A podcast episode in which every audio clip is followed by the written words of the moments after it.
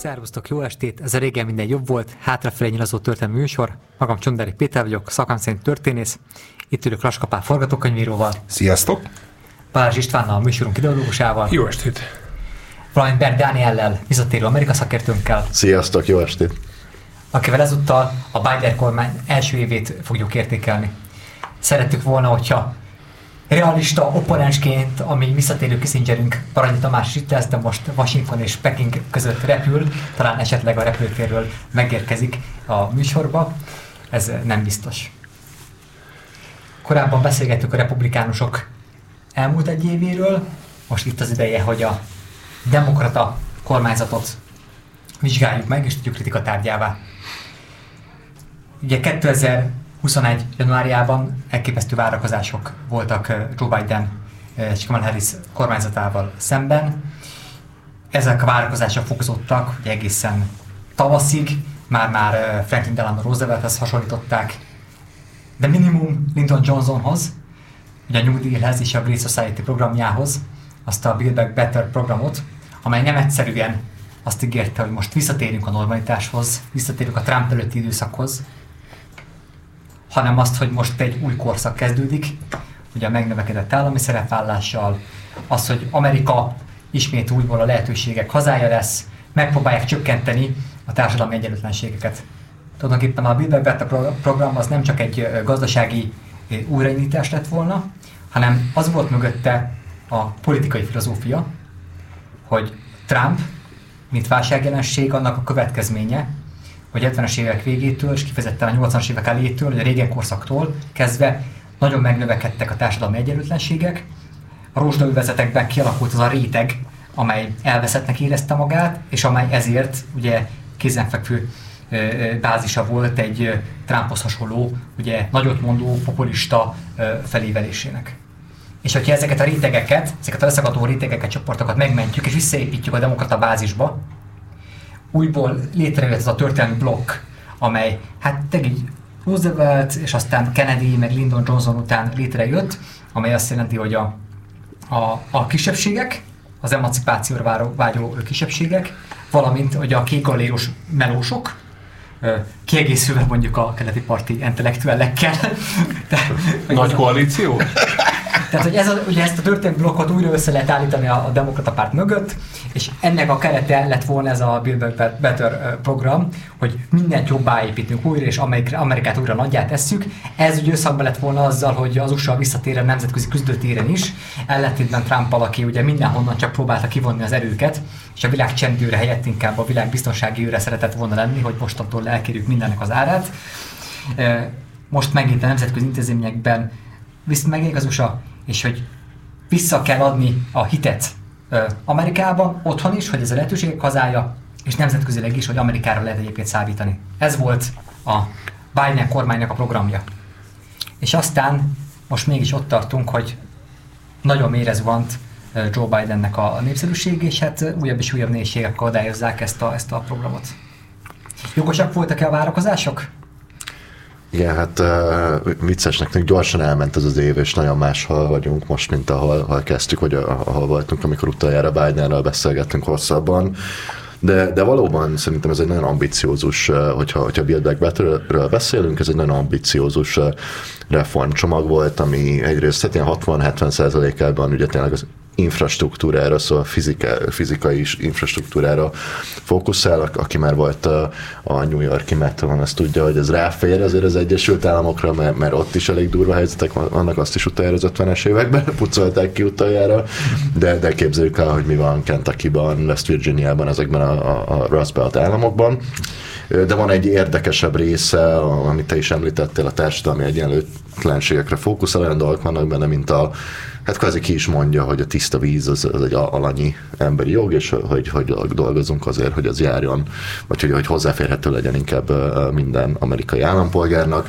A wifi-t is, ugye, hogy legyen ingyenes wifi hálózat, lefedés az Egyesült Államokban, szóval ezek a dolgok, amik Európában eléggé banális, vagy mindennapi dolgoknak tűnhetnek, Amerikában már-már ilyen szociális reform szinten Igen, igen, meg. tehát az ingyenes közszolgáltatás az az Egyesült Államokban teljesen másképp visszhangzik, mint Európában, tehát ott az ahol általában minden, az Egyesült Államokban mindenért fizetni kell. Tehát bármi minden szolgáltatás rendelkezésre áll, de alapvetően az, hogy valami ingyenesen, alanyi jogon legyen a tiéd, az, az borzasztó ritka.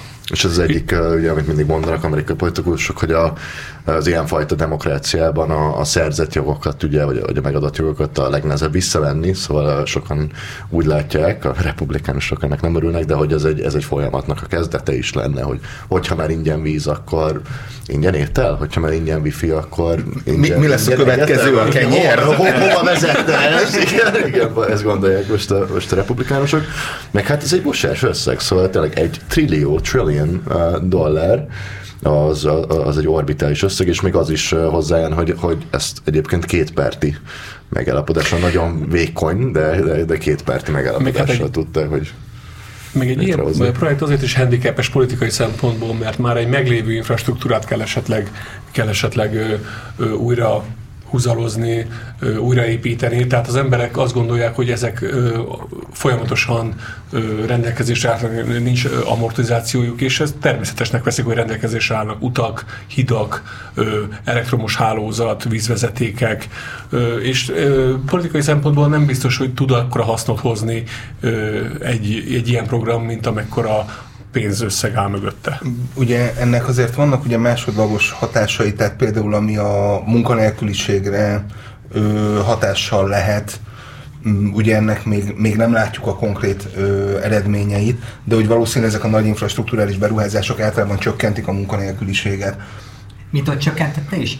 Hát történelmi léptékű a munkahelyteremtés, ami Ugye részben egyébként persze abból adódik, hogy azért egy válság után nyilván könnyebb fellendülés produkálni, de magasan felülmúlja a Biden kormánynak a munkahelyteremtése, mondjuk a 2008-as gazdaságvilágválságot követő időszakot. Több mint 6 millió állás, most, most megnéztem direkt a statisztikát a műsorra, több mint 6 millió állás, illetve 6,9 volt a munkanélküliség ráta, majd, majd nem, nem 7%-os, most pedig 3,9, szóval meg feleződött szinte, vagy, vagy, vagy talán kicsit kevesebb, de hogy, hogy te is mondtad, Peti, hogy um, ezek nem szexi dolgok, ezt nem lehet annyira kirakni az ablakba, hogy hát uh, 3%-kal csökkent a munkanélküliség, főleg a populista identitás alapú kormányzás korában uh, lehet, hogy Bill Clinton aforizmája, hogy it's the economy stupid, hogy ugye minden a gazdaságról szól, ez már annyira nem állja, állja meg a helyét. Tulajdonképpen egyébként a Francis Fukuyama-nak szerintem igaza lett a Történelem vége című könyvében, amikor azt írja, hogy az emberek elismerésre törekednek történelmileg, és azért ebből vezette le, hogy a történelmileg azért a liberalizmus diadalmaskodik mindenféle különböző ideológia közül, mert, a, mert egy liberális rendszerben, egy liberális demokráciában kaphatod meg te a legnagyobb elismerést, tartanak téged leginkább tiszteletben.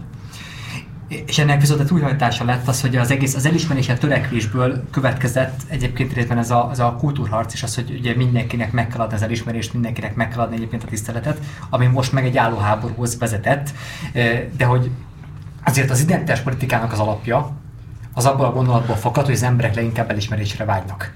És az elismerés az adott esetben fontosabb, mint mondjuk a, az anyagi ö, eszközök.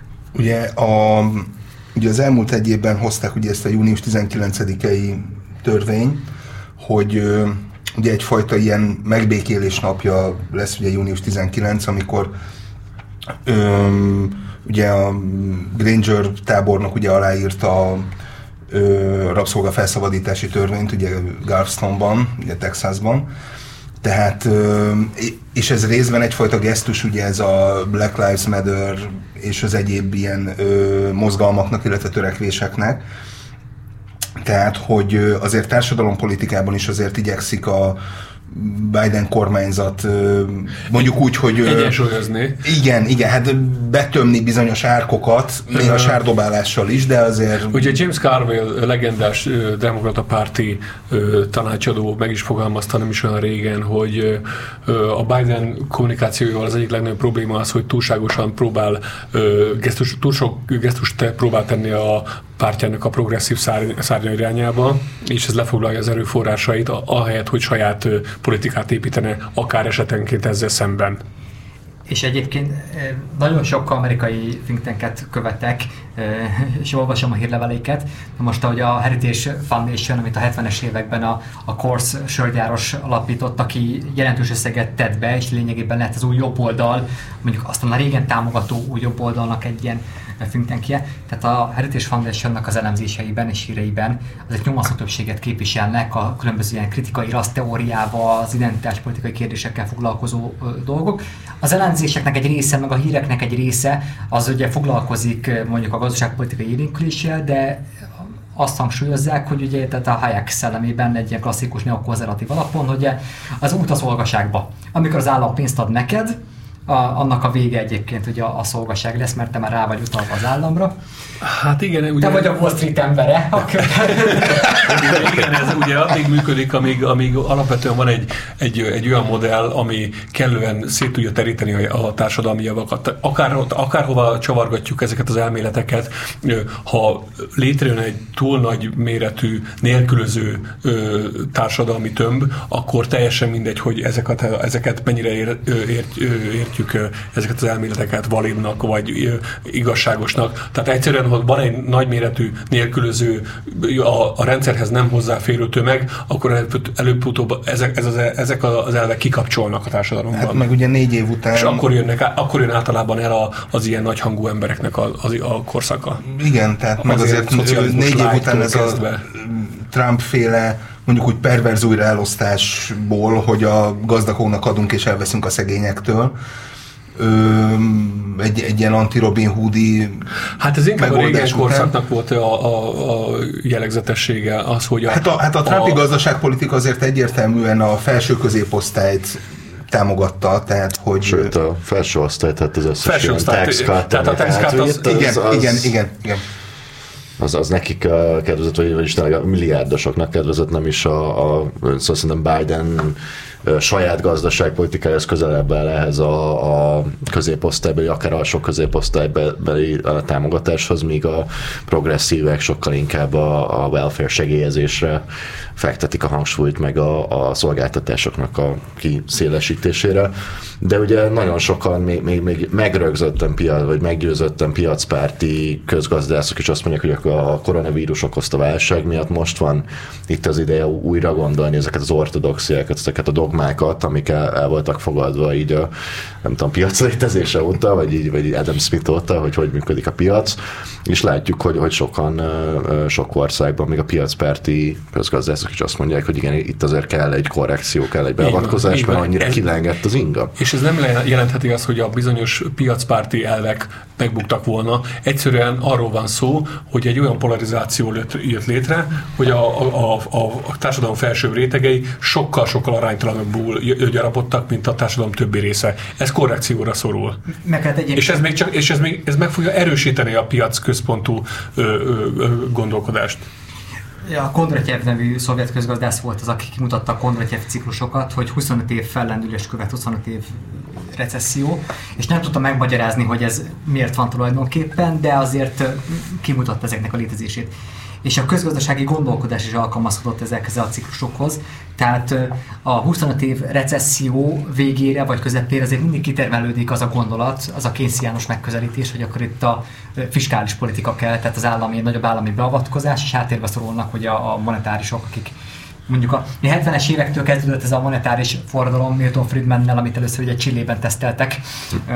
Piros Hát felemás. De Chicago Boys közreműködésével. De történelmi bizonyítékát adta, hogy a szabad piac nem feltétlenül termel ki ugye szabad, ha szabad országot, hanem egy zárt politikai rendszerben működtetett nyitott a gazdaság. De most egyébként ezt látjuk, tehát hogy a gazdasági válság végére most történik egy átfordulás a közgazdasági gondolkodásban. Nem vagyok rendszeres olvasója a közgazdaságtudományi szemlének, de amit így látok egyébként ilyen sztár közgazdászok véleményéből. Hát van egyértelműen, tehát ugye Biden politikájában is nem véletlenül jelent meg ugye a a, a technológiai szektor és általában ezek a szupergazdag szektornak az, az adóztatását. Tehát van egy egyértelmű baratolódás. Meg állami szinten is ugye most már nem eretnekség kimondani, hogy hát bizony talán a, a, a multik azok fizessenek egy picit több adót, Igen. ugye a globális adó is most Igen. van annak, amit Biden maga is támogat, vagy az Egyesült Államok által. Igen, itt a, a külpolitikai kudarc mondjuk az afganisztáni, hát ilyen eléggé rendezetlen kivonulás után nem is feledkezünk arról, hogy még pár hónappal előtte azért volt egy elképesztő eredmény. Tehát azt keresztül vinni, hogy bevezették a globális minimumadót, és a különböző adóparadicsomoknak, mint az EU-ban egyébként Írország és Magyarországnak is szintén alkalmazkodni kell ehhez, azért ez egy elképesztő... És ilyenkor jön ugye az a dilemma, hogy ezek a tech cégek általában azért a Biden kampányban nem kevés összeget hagytak a kasszában, tehát ez, egy, ez megint egy, egy ilyen elég durva aknamező, hogy esetleg egy következő demokrata kampányban mennyire fognak ezek a források rendelkezésre állni. Hát igen, így folytatják, ugye Mark Zuckerberg mennyit vesztett, most 30 milliárd, de tegnap alatt. Szóval. De, de ez megint, igen. ugye arról a Péternek el is küldtem ezt, hogy annyira, az a, annyira egy, egy ilyen elvakart seb ez az, ez az IT szektor, hogy tehát egyetlen érintésre fölsikolt az árfolyam, holott nem történt sem a Netflix, sem a Facebook-kal egy, hát sem olyan dolog, most, ami, ami indokolta volna ezt a mértékű Hát, hát most volt a korrekció, ami ugye a karantén alatt nagyon megdobta az, árfolyamot. Az árfolyamok. Hát, és az, az, az, az, abból most ugye visszavettek, és hát ugye el is égett a, például a Netflixnek az ott szerzett nyeresége. Hát a Netflixnél nagyjából annyi, hogy valószínűleg már nem lesznek komolyabb korlátozások, amik miatt az embereknek otthon kéne maradnia, és tévézéssel kötik le az őket. Igen, meg, meg, ezek, meg, meg ezek olyan kis apró kis nüansznyi beavatkozásra képesek ö, ö, hihetetlenül extrém módon reagálni, hogy ez mutatja azt, hogy nincs, nincs valós értéke a, ezek, ezek mögött a, az értékek mögött. Ez is, ez is egy korrekció. Nézzük meg, hogy a, a Biden kormány mögött milyen különböző politikai nyomások vannak. Nyilván van egyébként, tehát ugye azért a lobby. Az ott van a különböző céges lobby, a gazdasági lobby, um, hogy itt a demonizált Wall Street az mindig megjelenik, hogy az 50-es évektől kezdve a magyar pártos kiadványokban, de hogy azért ez létező dolgok, hogy vannak bizonyos gazdasági alapok, amik ugye megteremtik az igényt, hogy próbálják alakítani egyébként a, a politikát. És van most egy kult, jelentős kulturális lobby is, ami jelentős ugye a progresszívek felől érkezik különösen, és hát ezek között próbál egyébként egyesült teremteni, azért a nagyon törékeny az a, a demokrata párt jelenleg, de ez alapvetően az amerikai pártrendszerből következik, hogy mindkettő párt gyűjtőpárt, elképesztő ö, különbség van a különböző irányzatok között, és hát itt ugye Biden lényegében azért lett egyébként ugye elnökjelölt, mert ő volt a legkisebb közös többszörös, tehát akit ugye leg, leginkább el tudtak fogadni sokak, és azért sikerrel állította maga mellé egyébként ugye a Sandersistákat, és a Sandersistáknak ugye a fanatikus táborát. Hát igen, erről nem igazán tudni, hogy tehát mondjuk a Sanders féle baloldali blokk, ez, ez most hanyadán is van Bidenhez. Lehet, hogy a, ugye a, én, én ebből a szempontból a Sandersistáknak a magyarországi ügynökségét, tehát a mérceszerzőket tudnám idézni, és azért ott a, a Biden egy elképesztő felértékelésen ment keresztül. Tehát onnantól kezdve, hogy bejelentette az igényt, mondom, ez ilyen New Deal és Great society idéző nagy ö, szerepvállásváltásra, hogy akkor itt most új korszaknak kell kezdődnie, és kifejezetten hát a Biden olyan baloldali amerikai szemben nagyon baloldali, markánsan baloldali programot fogalmazott meg, amit nem vártak tőle. Persze, a, különösen, kritikusai meg végképp nem. Különösen egy, egy olyan embertől, aki gyakorlatilag 50 éve van az amerikai politikában, tehát nagyon sokan úgy gondoltak rá, a hivatalba lépése előtt, hogy ő, ő azért nem fog baloldali programot vinni, mert ő egy ilyen kiegyensúlyozott, alapvetően a klasszikus amerikai gazdaságpolitikát folytató, hiszen centrista politikusról van szó, egy ilyen centrista politikát fog következetesen végigvinni. Ehhez képest az van, amit a Péter mond. Ez talán az egyik legnagyobb hát nem hibája, de hogy, hogy hátránya a kommunikációs térben, meg a saját maga eladása tekintetében, hogy ő ez a lassan, de biztosan eljutunk oda, ugye ezt a, ezt a vizes, meg wifi dolgot is egy nagyon unalmasnak hangzó infrastruktúra csomagba csomagolta bele, nem az volt az első oldalon mindenhol, hogy, hogy ugye ingyen víz, meg ingyen wifi, hanem hogy a hidakat felújítjuk, és hát ez Biden személyiségéhez is illik.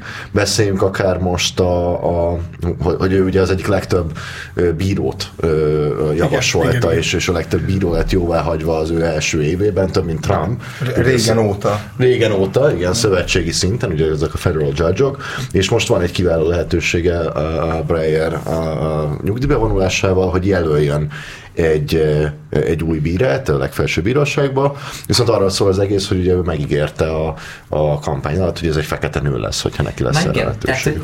Az én problémám az identitális politikával itt kezdődik, amikor, amikor a, rögtön úgy kezdődik, hogy egy fekete nőt kell egyébként jelölni, és tök mindegy, hogy más, más országokban meg az, hogy egy fehér férfinak kell lenni egyébként a bírónak. Tehát, hogy e- ezzel... mindkét probléma, csak egy, Igen. az identitális politikára a kedvenc példám az, amikor a Facebookon körbe futnak, hogy nem tudom, az észt kormánynak a képet, külön, vagy az új-zélandi kormány, és akkor azt látjuk, hogy van benne mondjuk tíz nő, és ezt mondjuk így a, a progresszív tábor osztogatja, hogy lám bezzeg Új-Zélandon, és bezzeg egyébként Észtországban, meg bezzeg Finnországban, azért hogy is mondjam, tehát a, a Peszné Gálindikótól kezdve a Novák Katalinát, Varga Judittig, tehát össze tudnánk állítani egy olyan kormányzatot, amit a, a, az Egyesült Államokban a progresszívok üdvözgették, hogy bezzeg Magyarország hogy néz ki, és nem hiszem, hogy történelmileg előrébb tartanánk. Persze, ha mondjuk Novák Katalin lesz persze, csak ugye az Egyesült Államoknak a vállán van egy olyan teher is, hogy azért alapvetően mintaként tekint rá még mindig a világ nagyobbik része. Tehát az, hogy ottan mi történik bizonyos kisebbségekkel, igenis fokozat felelősséget ró a döntéshozókra. Tehát, meg hát másrészt pedig tudomásul kell venni szerintem az, hogy a politikának a szimbolikus ö, ö, részét nem lehet kivenni a képletből. Tehát ezek, ezek nagyon komoly ö, szimbólumok, üzenetek még akkor is, hogyha az adott, ö, az adott, az adott, az adott döntés egy, ö, egy ilyen ö, szempontok mellett ö, kiválasztott személy esetében nem feltétlenül szakmai eredetűek. Hát nincs százszázalékos reálpolitika, hanem valamennyi ideológiát muszáj tehát, egyszerűen, Nyilván ennek a mérték mértéke az, ami számít. Tehát kisebb-nagyobb mértékben ezek a szempontok egyszerűen a politika részét képezik. Ez egy kétélű fegyver, nem, nem, az identitás politikára gondolok, mert arra megvan nekem is a véleményem, hanem a, ugye ez a jelölés most, ugye egyrészt lehet egy nagyon erős üzenetet küldeni, akár a progresszív szárnyak egy ilyenfajta jelöléssel, ami szimbolikus, ami, ami a történelmi igazságokra, a igazságtalanságokra rezonál, vagy ugye lehet a centrista, vagy, vagy középjobbos demokrata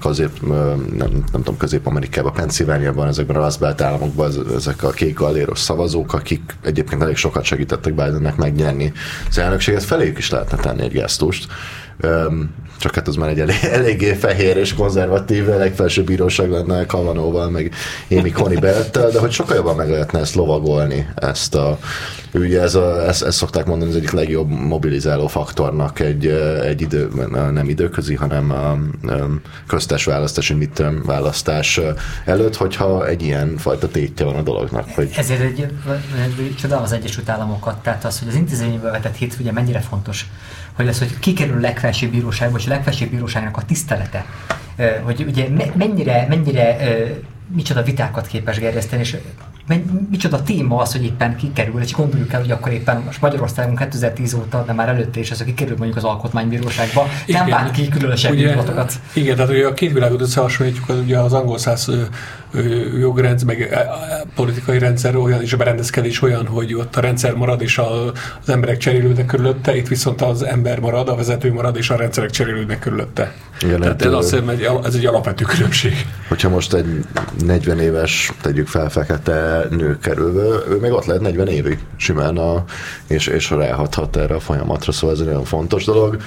Viszont egy nagy hype is szokott lenni körülötte, szóval ez, ez így tematizálhatja az egészet. Picit így úgy láttam, hogy most erről az identitás politika részéről megy a vita, nem pont a Fox News-on néztem, hogy ugyanezek a támadások, hogy mi akkor már fehér férfi nem is lehet legfelsőbb bíró, ami kicsit ironikus, nem tudom, 140-ből 120 de, eddig, de, de hogy igen, hogy az nagyon elviszi a fókuszt, és, és lehet, hogy a szóval ez picit el, szerintem sokszor, amikor Biden bukdácsolt, akkor pont ez a megfelelési kényszere a progresszív szárnak volt az, ami egy gyengébb pozícióba hozta, mert neki ez annyira nem, nem önazonos, szóval picit egy ilyen felvett uh, szerep.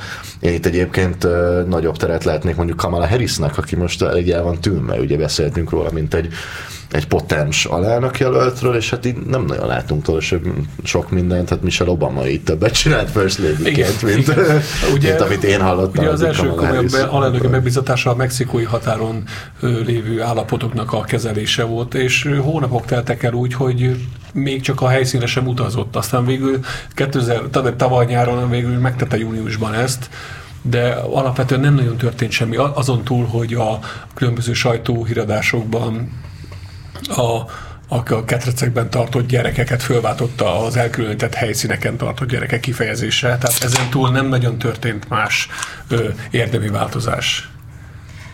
Bocs, ezt nem a ketrecre ment tartott gyerekekre nyitottam ezt a sert. Ö, igen, bár ugye ez is ugye a, ö, valószínűleg, hogy a Trump örökséggel való szembefordulás igen. része, Pontosan. amikor ugye a az, hogy a mexikói határon ugye a Trump korszakban ilyen 90-100 ezer ember jutott át valószínűleg a határokon, ugye ez a, az, el, az elmúlt évben ilyen 230-240 ezerre emelkedett. Tehát, hogy illetve ugye 10-11 millió már Egyesült Államokban élő, de nem hivatalosan ott élőnek kapott állampolgárságot. Tehát, hogy és, és ez mind valószínűleg, ugye hát egyrészt ugye szavazószerzés is, másrészt Persze. meg, meg igazából dekla- egy, egy deklaratív gesztus. Igazából az is, az is tört, az is működött meg, ami Európában 2015-ben, hogy, hogy kiáll, tehát amikor Kamala Harris lenyilatkozta az, hogy nem most gyertek. Tehát ennek volt egy olyan zöngéje, mint amikor ugye Angela Merkel gyakorlatilag meghívót küldött a szíriai menekülteknek, hogy ide gyakorlatilag érkezhetnek, aztán következett, ezután következett egy ilyen korrekció nála, hogy ez, ezt tulajdonképpen nem úgy értette, ez nem ilyen egyszerű, ennek van egy másik oldala is, tehát ő, valahol ez a mintázat ő, meg hát ugye azt a 4000 ez történt meg, megint meg, meg ugye itt azt a 4000 vagy 5000 Haitiból jövő ö, menekültet is kitoloncolták Texasból. Hát elvileg azt hiszem, azt hiszem a Covid-ra való hivatkozással, de egyértelmű Igen, volt, tehát... hogy a, még a könnyített bevándorlási szabályok ellenére sem jöhettek volna át. Tehát, igen, tehát egy picit szembe jött a valóság. Igen, igen, igen.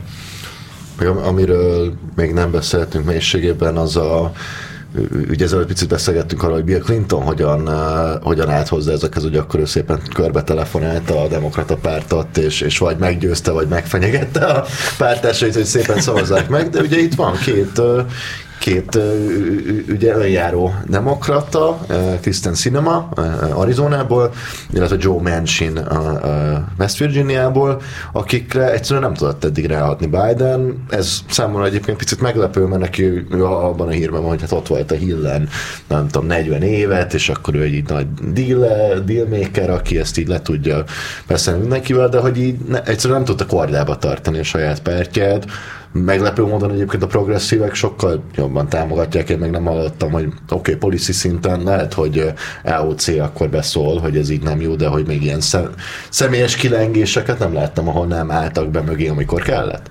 És akkor van ez a két, hát nem tudom, hogy definiáljam őket, de, de inkább... Hát az egyik ke- kemény fejű. Talán. Így, igen. Ugye az egyik, ugye a közteszínem egy én amennyit ö, tudok róla, az alapján exhibicionizmusból szavaz egyébként nemet, tehát ő egy lakókocsiban felnőtt szegénységben kiemelkedett, egyébként pedig ugye abszolút belélik.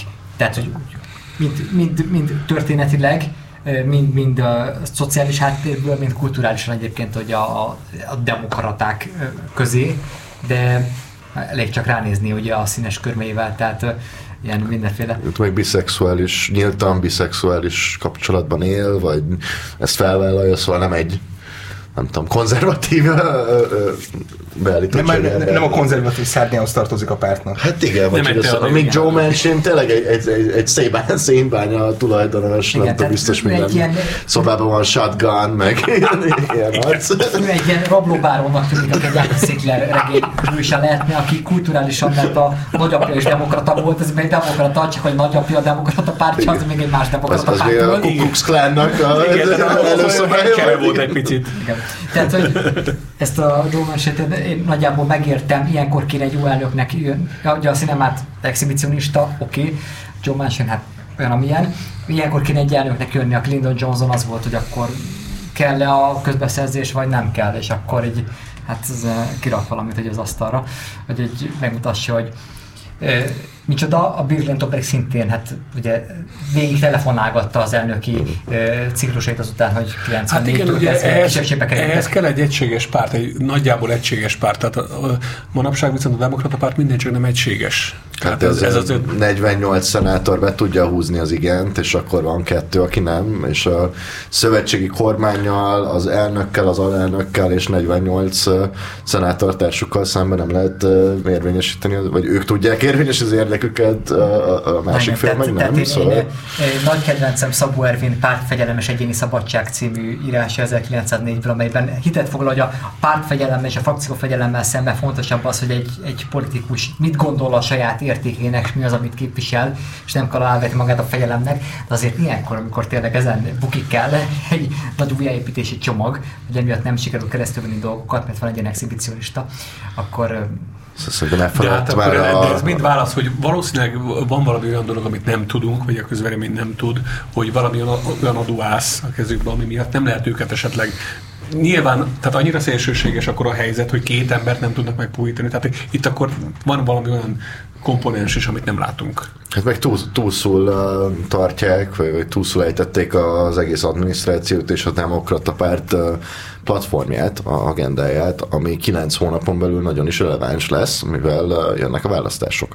És uh, benne van a pakliban, sőt, statisztikailag valószínűbb, mert, mert általában az elnök pártja biztosra vehető, hogy veszít ö, ö, helyeket, egy ilyen szűk ö, többségnél nulla fős, ugye csak az alelnök miatt van többségük a, a szenátusban, ugye ez, ez, ez, ez katasztrófa is lehet Bidennek, Hogyha nem mutat fel valamit ebben a következő kilenc mm. hónapban, akkor nagyon sanyarú, még, még talán a Gingrichi áttörést is leívelő. Ugye a Rejegélének a nyugdíjba vonulás azért ennek köszönhető. Igen. Hogy még, még amíg demokrata többség van, akkor addig választanak egyébként új bírót a legfelsőbb bíróságba. Hogy, hogyha azért visszagondolunk egyébként azért ugye a múltban, azért jellemzően ez volt a helyzet. Tehát ez nem lenne egy kivételes állapot. Obamának szintén egyébként ugye republikánus többségű kongresszusban kellett egyébként ugye kormányoznia, Clintonnak szintén, és azért mondjuk mind a Clinton, mind az Obama kormányzatról hát nem pozitív emlékeink vannak, vagy hát elég jól menedzselték ezek az elnökök, ezek a karakteres elnökök. Igen. Ugye igen. elnöki rendeletekkel el tud egyébként manőverezni egy elnök. Igen, nem, nem tragédia, viszont picit én, úgy érzem, hogy nem használták ki azt az időt, a, ami adatot nekik, mint hogy Obama sem Igen. az első, első ciklusában, amikor volt többsége, át tudott volna vinni nagy ö, legislációkat, meg hát alapból a, a kinevezések is, szóval hogy csak a, a külügyet nézzük, még, még ne, nem, hogy amerikai, ma, magyarországi amerikai nagykövet nincs, de még, még nem tudom, Ausztrál, meg, meg az orosz is még ideiglenes, hogyha jól tudom. Szóval van egy hosszú lista, nem csak a kül, külügyben, olyan kinevezésekre, amik a, a, a szenátus hagy jóvá. Szóval, ha ezek mondjuk nincsenek uh, sínre állítva ebben a kilenc hónapban, akkor lehet, hogy soha nem lesznek ebben a négy éves ciklusban, mert a republikánusok nem fognak gesztust tenni, hogy na jó, hát akkor megszavazzuk a nagykövetet, mert azért kell, hogy legyen a nagykövet az a gridlocknak az átkadja. Ugye, ha megnézzük mindkét elnök, mind Obama, mind Biden, alapvetően protest elnökök, tehát két olyan konzervatív kurzust után jöttek, ami katasztrofális megítélés alá esik általában történelmi szemléletből nézve. Úgyhogy nem feltétlenül egy, egy, egy társadalmi mintavételezésnek a tökéletes leképezései ők, hanem egy protest helyzetnek a következményei. Megkérdés még, hogy egyáltalán ugye Amerikában azt szokták mondani, hogy a, a választási kampány a megnyert választás utáni napon kezdődik. Kérdés, hogy Biden akkor újra indul, mert eddig hivatalosan az álláspont, hogy ő újra fog indulni, viszont Hát Pisti, te tudod pontosan a, a számokat, hogy ő azért már elég idős lesz. Ott Igen, a... tehát ugye 79 évesen lépett hivatalba, tehát az, hogy valaki ennyi évesen egy két ciklust végig csináljon, ez nem feltétlenül. Már egyébként most látszik, nyilván ezek, ezek kellemetlen, meg ezen különböző ö, megjegyzésekre ö, lehetőséget adó ö, ö, helyzet, de, de alapvetően az igazságtartalma megvan. Tehát az, hogy ö, láthatóan Joe Biden nem feltétlenül van abban az állapotban, hogy ő még egyszer, ugye még csak egy év telt el, még, még három év van az első ciklusából, és már arról beszél, hogy ő még négy évet rá tud erre tenni, tehát hét évről beszélünk, és nem feltétlenül, ha megnézzük a nyilatkozatait, az, hogy általában ö, el tudja veszíteni azért a fókuszt, tehát kell egy alapvetően és táv mögé folyamatosan, aki őt így ö, ö, egy picit így vezeti, ö, akkor nem biztos, hogy, hogy, hogy ez, ez a realitás. Noha általában és az amerikai politikusok megfelel, meglehetősen életképesek. Tehát Igen, hogy... persze, tehát azért Ronald Reagan is, ugye az ő 70 éves, 70 éves ugye életkor az ma már nem számít olyan rettenetesen idősnek, hogy Donald Trumpra is mondhatnánk ezt. Ez középkorúnak számít. az ilyen 80-85 éves Igen, az úgy 50. Tehát, igen, és tehát itt, itt, itt, nagyon komoly kérdéssel fog szembesülni a demokrata párt, hogy mi lesz a következő választáson. Tehát Joe Biden tényleg el akar elóhajta indulni ezen a választáson, vagy pedig, vagy pedig a körülményeket látva esetleg a párton belül úgy dönt, meggyőzik őt, hogy és hogyha meggyőzik, akkor vajon Kamala Harris lesz-e az a jelölt, de az is vagy pedig, vagy pedig elkezdtek-e már felépíteni egy harmadik jelöltet, aki el tud indulni? Hát egy, aki, viszont, aki viszont, akinek viszont, akinek viszont Fauci, Fauci for president, igen. Aki viszont az amerikai politika nem az, a, nem az a terep, ahol a kalapból előhúzott politikusok az így hirtelen ö, ö, ö, megválaszthatók lenni. Tehát nagyon sokat tudna erről mondani egyébként a a republikánus pártból nagyon sok ilyen, ez, a menedzs, ez az ambiciózus menedzser külsővel megáldott Mitt Romney-tól kezdve, hogy, hogy, hogy nem lehet, az, nem lehet, be, nem lehet két-három évvel ezelőtt a kalapból kihúzott embereket megválasztatni. Egyszerűen a megválasztási faktoruk csekély. Ez még mind a két út, ugye, hogyha Biden mondjuk nem indul újra, vagy, vagy meggyőzik, ugye az egy történelmi helyzet lenne ilyen hát talán a 19. századi elnök között lehetne felelni ilyet, akit, megpu- akit konkrétan megpucsolt a saját pártja, és, és más jelölt lett végül. 20. században egyáltalán nincs rá példa. Az is ugye... Hogy most... indult Johnson döntött úgy, hogy nem indul újra az elnökség. Igen, igen, igen és az, az, az már, már inkább ilyen közös megegyezés. Um, igen. Uh, meg hát a, ugye az ő um, kontextus, hogy ő hogy lett elnök, az is egy picit más volt, mint hogyha megválasztották. Alkotmányosan kiárt volna neki a, még egy ciklus, Igen. de ugye ezzel a ugye a Kennedy gyilkosság után ugye alelnökként elnök lett, aztán volt egy teljes ciklusa, és úgy döntött, hogy nem indul még egyszer. Igen, és az is ugye a legidősebb elnök lenne, hogyha, hogyha újra, most is talán az a Trump volt előtte, és akkor most újra ő, de, de hogyha újraindul és Trump megveri, akkor az is egy történelmi helyzet. Egyetlen egy elnök volt, talán Chester A. Arthur, aki kétszer volt. Die Hard 3. Die Hard 3, igen. De egyébként méltatlan, hogy csak erre Szegény, igen. Vagy hogy elnök volt, aztán nem nyert, és aztán megint elnök lett. Utána szerintem le is húzott a legfelsőbb bíróságba egy négy évet közben. Szóval... Igen, igen, igen. Hát átmentette magát. Hát viszont sikerült majdnem reprodukálni ugye alelnökként, ugye amikor elbukta 60 ezeket az 60-as választást, aztán, aztán akkor a comeback csinált, mint a Rolling Stones. A Chesteré Arthurnak egyszer egy különadást fogunk egyébként szentelni mindenképpen. Vagy itt az Age issue-ról a... Lehet, hogy Cleveland volt egyébként, bocsánat, Cleveland volt ezek a ez barkós 19. századi elnökök között. Igen, összekeverem, de ez nem Whisker. Whisker, Mr. Whisker president. Aki, aki, aki elászanak így a portré festés közben. Tehát. Igen.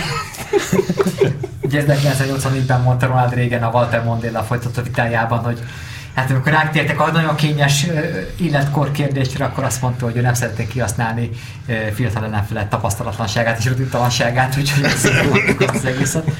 Mire Walter Mondale is elnevette magát. Igen, és, tehát, akkor... és standing ovation, tehát majdnem szünetet kellett elrendelni, mert a műsorvezető is levette a szemüveget és törögette a szemét a nevetést. Ugye ez a második vitában volt, hogy az első vitát elvesztette régen, mert teljesen fókuszálatlan volt, alapvetően se a felkészültségéről volt híres. Amikor, hát, konkrétumokra, meg... amikor konkrétumokról kellett beszélni, akkor Ronald régen mindig a szemedbe nézett, és azt mondta, hogy a szívemre hallgatok, akkor azt kell mondanom, hogy... Nagyon jó szovjet vicceket tudod Igen, de, de, de, de, de annak, annak a baritonnak nem lehetett ellenállni. Tehát meghallottad, és olyan szinten bozotta a figyelmet, hogy ez, azt, azt nem tudja seggre produkálni. Joe Bidennek egyébként, Ronald Reagan egy western hős volt, azért Joe Bidennek is ezek a western szerepek állnak egyébként a legjobban, amikor a sajtótájékoztatón egy shut up kijön belőle, amit véletlenül vesz a... Son of a bitch. És hisztük, ugye, ugye a szükre, az a szükre vett Clint Eastwood nézéssel, hogy amikor belemondja, hogy son of a bitch, akkor azt ugye elhiszed. Igen, a hunyari teó. Igen, igen, igen, az apró szemű kis ír. You feel lucky, punk. igen, tehát ilyen a, a, amikor a legjobb pillanataiban és Spencer Tracy-re emlékeztet egyébként, meg megint Clint Eastwoodra. Kirk Douglas. Meg Kirk Douglas. Igen, igen, abszolút Kirk Douglas-es. Na most pont egy olyan világpolitikai szituáció van, amikor látszólag egy ilyen nagyon kemény uh, sheriffre van egyébként szükség az Egyesült Államoknak, aki, aki keményen ugye odalép. Hát de ugye közben fölnőtt, ugye Ugye régen már egy zsugorodó Szovjetuniót kapott ellenfélül, tehát Biden viszont egy expanzióban lévő Kínát és egy ha mérsékelten is, de magára találó Oroszországot, hát, de inkább hát, Kínáról Hát 2014 óta, mert Oroszország is növelte a területét, még ha ideiglenesen is. Ugye múltkor Greco Péterrel beszélgetünk arról, hogy egy Olaszország mértékű, sőt egy Olaszországénál kisebb gazdaságról van szó, amely mind demográfiailag, mind gazdaságilag csökken, és itt egyébként a putyini politika arról szól, mint hogy jellemzően nagyon sok politika szólt már korábban, hogy a, a belpolitikai problémákat megpróbálni elleplezni valami külpolitikai sikerrel. 1911 is azt mondani, mondani, hogy a Szerbiának küldött hadüzenetet, tehát hogy akkor egy, egy ilyen 10 éve húzódó belső válságon, sőt majdnem 15 éve húzódó belső válságon jussunk túl úgy, hogy akkor valami külpolitikai konfliktus kell generálni, ami mögött egységesíteni lehet ugye a hát, helyzetet. De ez, ellen, ez, ez ellen egy gyors sikert kell aratni. Ugye ez egy ellenirányba is működik, tehát ugye az afganisztáni kivonulásra, hogyha gondolunk, tehát én biztos vagyok benne, hogy alapvetően Joe Biden népszerűségének a bezuhanása nagy mértékben ennek a, ennek a, mert ugyanis ö, hiába, tehát hiába van az a tény, hogy ezt már Donald Trump tárgyalta le, és ő rendelte el ezeket a csapat kivonásokat, ö, mégis ö, Bidennek kellett végrehajtania, de alapvetően ez egy olyan, ez egy, ez egy olyan ö, esemény volt, ami a kollektív amerikai pszichének a, egy ilyen visszavonulás. Tehát, egy, tehát adott egy nagyon kellemetlen élményt, amit utoljára tényleg talán a, a Saigoni kivonulás adhatott a, és, és, és, és ez, ez sokkal nagyobb kárt tud okozni, mint bármilyen Hát és még ugye a Biden... Mert látványos egyszerűen. A, a Biden és Demokrata Párti CNN is a Saigoni gépeket idézte az a, a este. Tehát egy...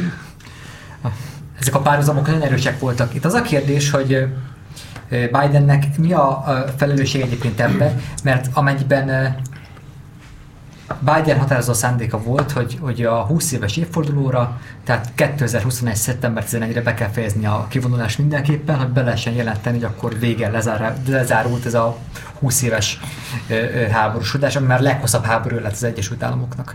Hát Afganisztán szerintem így vagy úgy, szóval onnan nem lehetett így, így jól kijönni. Ez a történelemben egy nagy hatalomnak se sikerült, nagyságoktól kezdve, tehát hogyha Afganisztán felé ment valaki, akkor... És ezt tudtam, most, most pont ki, ki is jött egy könyv, ahol sok belső anyagról, beszélgetésről volt szó, és a, is, a Bush adminisztráció alatt a tábornokok beszélgettek, hogy hogy tudjuk ezt eladni, hogy ez sikeres legyen, mert hogy ez biztos, hogy nem lesz sikeres. Ugyanis akkor én is meglepődtem, hogy sikerült ennyi, ennyire felsülni vele. De, de örülök, hogy így az adás végére eljutottunk a, a, az ukrán konfliktushoz, mert ez, ez nagyon fontos, mind a, a választás szempontjából. Ugye van a wartime presidentnek a fogalma, az elnök, aki, aki egy háborús vagy konfliktusos időszakban elnök, annak megnő a népszerűsége, ugye George W. Bush-ral beszélgettünk, aki valami 35% körülről felment 90%-ra 9-11 után. Vagy. Lyndon Johnson egyébként 1964-ben, amikor a Tonkin incidens után növeli a szerepvállást Vietnámban, te szintén. Igen, és ugye ő még a, a Kennedy gyilkosság miatt magasabbul is kezdte, szóval neki egy ilyen pupos teve népszerűsége volt. Szó, szóval igen, ez választás technikai szempontból fontos, a kommunikáció szempontjából fontos, de azért azt is látnunk kell, és most a külpolitikai szakértő beszél belőlem, hogy ez a NATO jövőjére nézve is fontos, mert még nagyon is léteznek azok a hangok a republikánus párton belül, akik azt mondják, sőt, most az egyik republikánus képviselő ezt a Fox news be is mondta, hogy hát minek kell nekünk megvédenünk Ukrajnát, egyébként a NATO is újra gondolandó, hagyjuk az oroszokat ugye kiélni magukat. Igen, igen, pontosan. És ugye kelet-európaiként azért ne feledkezzünk el arról, hogy ugye a obamai külpolitika lényege az volt, hogy a atlanti együttműködést ö, fölváltja a csendes óceáni térség prioritása, és most, hogy Ukrajnában megint helyzet van, ez a térség megint egy picit világpolitikai szempontból fölértékelődik. Föld azért, hogyha azt nézzük, hogy mekkora erőket állomásoztatnak Európában csendes óceánon. Tehát az, hát az, az, az, az, ezért most van változóban. Jó, de az a, az a 8000 katona, akit most áthelyeznek egyébként ugye a kelet-európai államokba. Lengyelországba és Romániába Igen, főleg. Azért, hát, azért még mindig a csendes óceán a prioritás, tehát azért Persze, az Obama alatt elkezdődött átrendeződés, azért az... Már csak, méret, már csak méreteinél fogva is. Tehát az a térség az mind a kereskedelmi szempontok, meg ugye a Kínához való viszony Hát itt az a nagy hát, kérdés, hogy, és szerintem egyébként ezen múlhat itt a külpolitika megítése a Biden kormányzatok, hogy mekkora erője van ugye Európában, az, hogy Németországot szintén kormányváltás történt, ugye maga mellé állítsa. Tehát amíg, amíg ugye van az a mondás, hogy annál, hogy a németek nagyhatalomként viselkednek, vagy a németek ugye vezetni akarják Európát, már csak egyre amikor nem akarják vezetni. Igen, igen, igen. Hát és a németeknél ugye, és, és ez is benne van, van a pakliba, hogy, hogy sok minden nem változott egyébként így policy szinten, vagy a külpolitika szintjén. Jó, Annalena Baerbock kellemesebb ránézni, meg határozottabb vezető, mint, mint az elődje, de, de hogy ezen kívül, a stíluson kívül, vagy a karakterjegyeken kívül nem változott sok minden, és hát az orosz gáz az még mindig Németországba hát, folyik. Az északi áramlat kettő, hát ez egy nagy követelés volt, amikor az építés 98%-nál tartott, akkor ugye Biden kérte és követelte, hogy akkor állítsák le ezt, ugye a, ezt, a, ezt a projektet, igen, és, és hogyha, hogyha, való, hogyha valóban keresztül tudja ezt egyébként vinni, és mondjuk az elképesztő megterhelés az Egyesült Államoknak, hogy akkor ezt az orosz gázt pótolják a, az egyéb az amerikai érdexférába tartozó gázforrásokkal. Igen, most a Szaud-Arábiaikkal tárgyalnak, ha jól tudom, ami nem tudom, hogy hogy fogják elvinni, nem tudom, ami új berlini airlift formájában fogják majd talán ez, ez, a, ez a kulcskérdés, tehát hogy, mit tud egyébként lépni, és Németországot maga mellé tudja állítani, valamint azért a, a Biden kormányzatnak ugye, amikor az AUKUS egyezmény keretében ugye, azért Franciaországot egy jelentős ugye az, az ausztrálokat felszerelték ugye atomtengeratjárókkal, és egy olyan technológiát adtak át, ami az 50-es évek óta nem történt egyébként ilyen, tehát a legélesebb hidegháborús konfliktus óta nem történt, hogy valamilyen kvázi szövetségest nek átadnak egy ö, egy majdnem legkorszerűbb technológiát, mondjuk egy ilyen második generációs technológiát, és emiatt ugye a francia dízel meghajtású tengeralattjárókkal kapcsolatos beszerzési projektet visszamondta Ausztrália, és mindezt úgy, hogy ezt nem előzte meg egy egyeztetés Franciaországgal.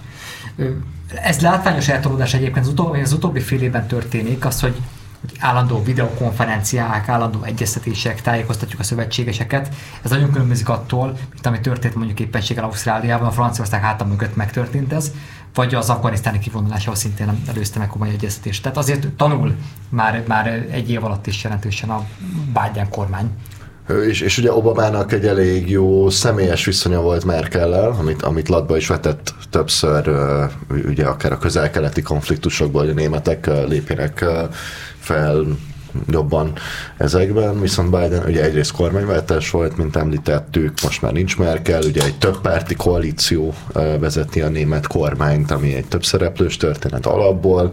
Bidennek a, a személyiségéről beszéltünk, hogy, hogy ő kifelé nem ez, a, ez az asszertív, akár, akár Johnsoni, vagy, vagy, vagy Jeffersoni vezető. Szóval ez, ez egy érdekes kérdés, és hát nekünk itt Közép-Kelet-Európában különösen érdekes. Egyrészt, mert a szomszédságunkban van az említett ország, az, az ukrán határ azért itt van, Románia, Lengyelország kap NATO csapatokat, és, és ugye ami államfőnk az egyetlen, aki leült Putyinnal ezek után. Igen, és hát látjuk, hogy, hogy ugye kormányfők Vladimir Putyin ugyanazokat az elveket kéri most számon a világon, hogy a, pufferzónához való jogot, mint ami mondjuk annak idején a Monroe doktrina lényege volt.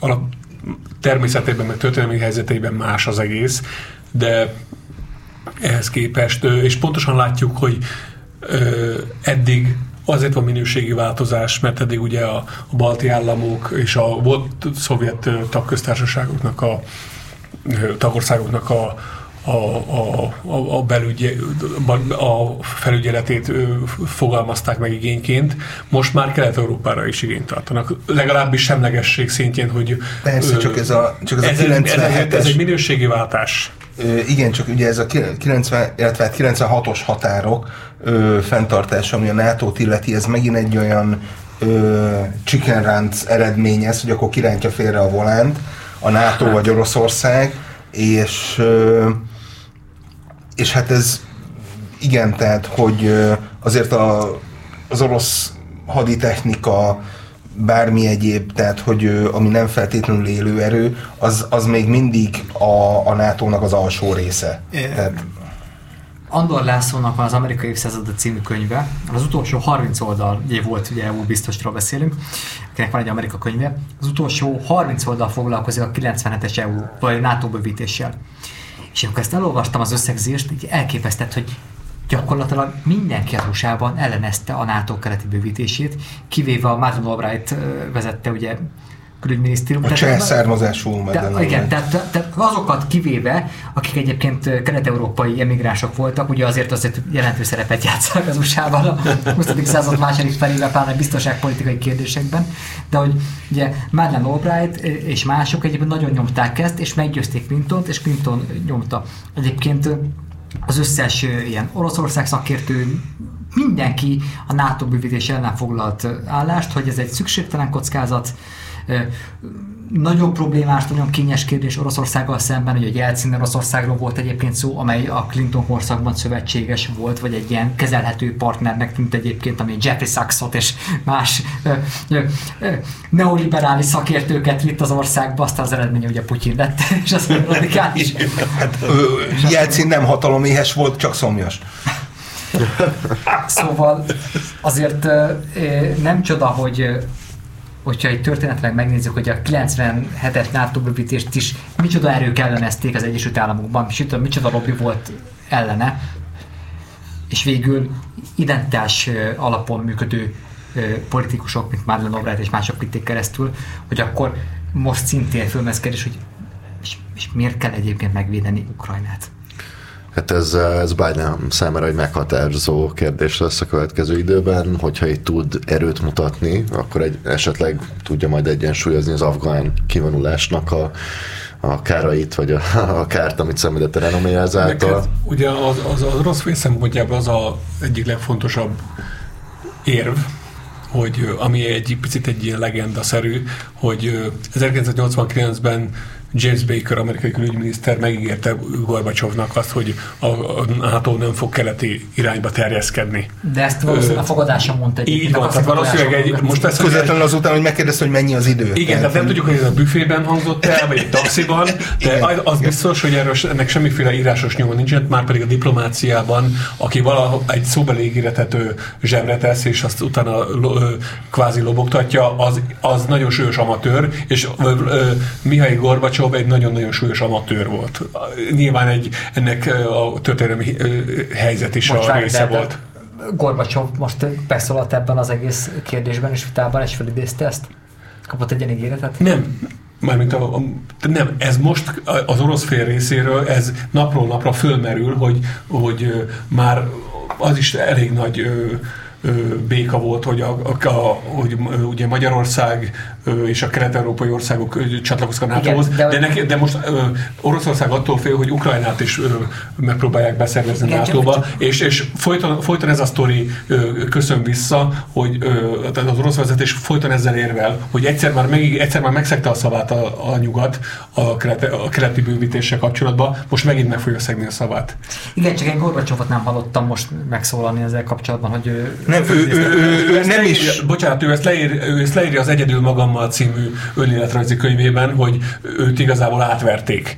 Ez egyébként az Oliver mm-hmm. Stone Untold History című dokumentum sorozatában is benne van, de a, akit érdekel részleteiben, az a, az a Gorbacsov önéletrajzban, meg, vagy ö, memoárban megtalálja. Igen, tehát, hogy ö, diplomáciában néha még ugye közös aláír dokumentumok sem nagyon számítanak az igen, a pillanatnyi igen, érdekekhez igen. képest, tehát, hogy ö, hát, ugye... egy állítólag elhangzott szóbeli dolog, igen.